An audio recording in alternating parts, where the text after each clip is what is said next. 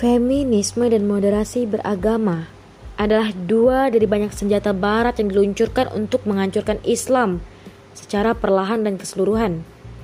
Demi kepentingan duniawi, mereka menghalalkan berbagai cara agar kepentingan nafsu mereka tidak terkalahkan oleh hal apa pun di dunia ini, meski mereka mengetahui hakikat kebenaran yang sesungguhnya. Mereka amat sangat takut akan kebangkitan Islam apabila seluruh umat muslim di seluruh dunia mencintai dan berislam secara kafah. Mereka mengetahui potensi dan kebesaran Islam apabila Islam bangkit kembali.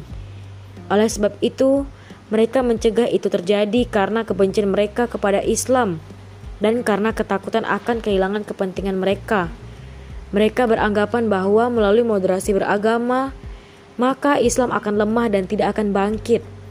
Dengan menyerang pribadi umat Islam itu sendiri, dengan membawa aspek keislaman yang mereka ambil secara sebagian dengan memotong ayat-ayat dan dalil demi mendapatkan legalitas dari umat Islam yang masih awam.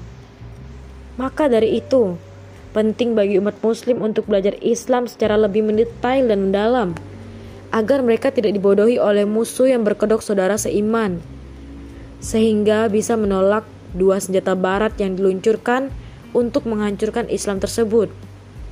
Umat Muslim harus sadar bahwa sesungguhnya mereka sedang dijajah dan dihancurkan secara licik. Jika hanya diam dan sibuk dengan nafsu, maka kita akan kalah telak. Umat Muslim juga punya senjata yang sangat hebat, yaitu berdoa dan bersatu.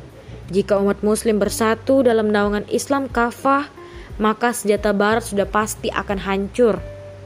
Yang menjadi target utama dari senjata ini adalah para Muslimah yang mereka anggap paling membutuhkan kedua senjata terselubung tersebut. Para muslimah harus menyadari bahwa syariat berada jauh di atas akal. Segala akal dan logika wajib tunduk kepada syariat.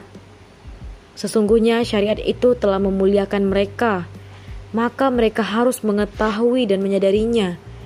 Tidak menerima pengetahuan keislaman di luar Islam itu adalah hal yang sangat paten dan harus ditanamkan dalam dada setiap Muslim.